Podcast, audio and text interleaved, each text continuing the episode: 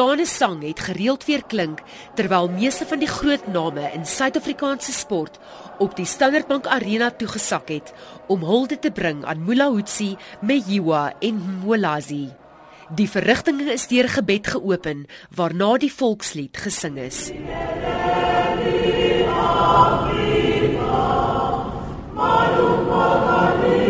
Die minister van sport vir Kilian Belula, die president van die Suid-Afrikaanse sokkervereniging Danny Jordaan en die afrigter van Bafana Bafana, Sheiks Mashaba, was onder diegene wat huldeblyke gelewer het.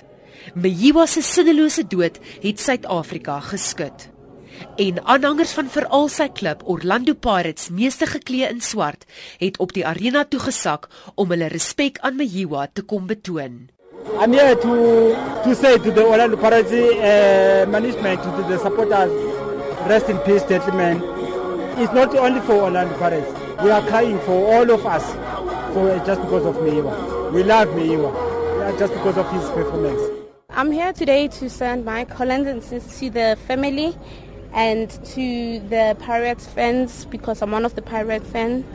Mayuba was he is an example. Let me not say he was. He is an example, and to to the whole nation and to to the young generation that you can conquer every dream and you can be an example to the world. May his soul rest in peace. What happened to Senzo like, honestly, I, I cannot even believe today. Even today, I'm speechless.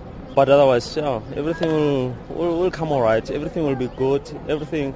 I'm just saying to the family, let him rest in peace.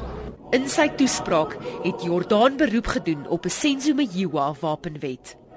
Hy het voorgestel dat alle onwettige en ongelisensieerde vuurwapens gesmeld en 'n standbeeld vir Meyiwa by SAFA se hoofkantoor opgerig word. Jordaan het ook aangekondig dat Bafana se volgende Afrika Nasiesbeker kwalifiserende wedstryd teen Sudan op 15 November van die Mbombela Stadion in Nelspruit na die Moses Mabhida Stadion in Durban, Meyiwa se tuisprovinsie, geskuif word. Al die naweek se Premierliga en nasionale Eerste Liga wedstryde is ook uitgestel.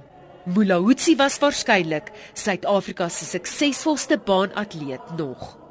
Die president van Atletiek Suid-Afrika, Alex Kosana, sê Mulahutsi se dood was 'n hartseer dag vir Suid-Afrikaanse atletiek. We have lost a world champion, a number 1 800 meter runner in the world who has dominated that event taking it from the scarf of the neck from the Russians, from the East Africans, the Kenyans and the Ethiopians in particular and we have lost him. But uh, we are proud that uh, before his death he had uh, realized that his time as an athlete had come to an end. He had started an academy down in Venda, not in Johannesburg. He was coaching little boys and girls, and with the hope that they will become the next Mlaudzi, the next caster, and all that. Die 400 meter naloper Hendrik Mokganyetsi was ook nog sigbaar verpletter. We've been trying to digest this thing. What can we do? We must just say he has run his race. We must just accept what happened and we show down. Die uitgetrede wêreldbokskampioen Jan Bergman het ook sy eer kom betoon.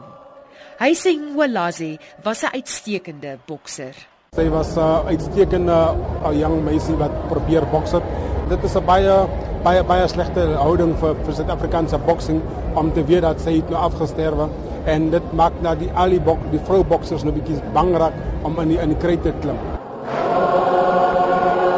Bulahutsi en Meyiwa word Saterdag begrawe. Ek is Renet van Rensburg in Johannesburg.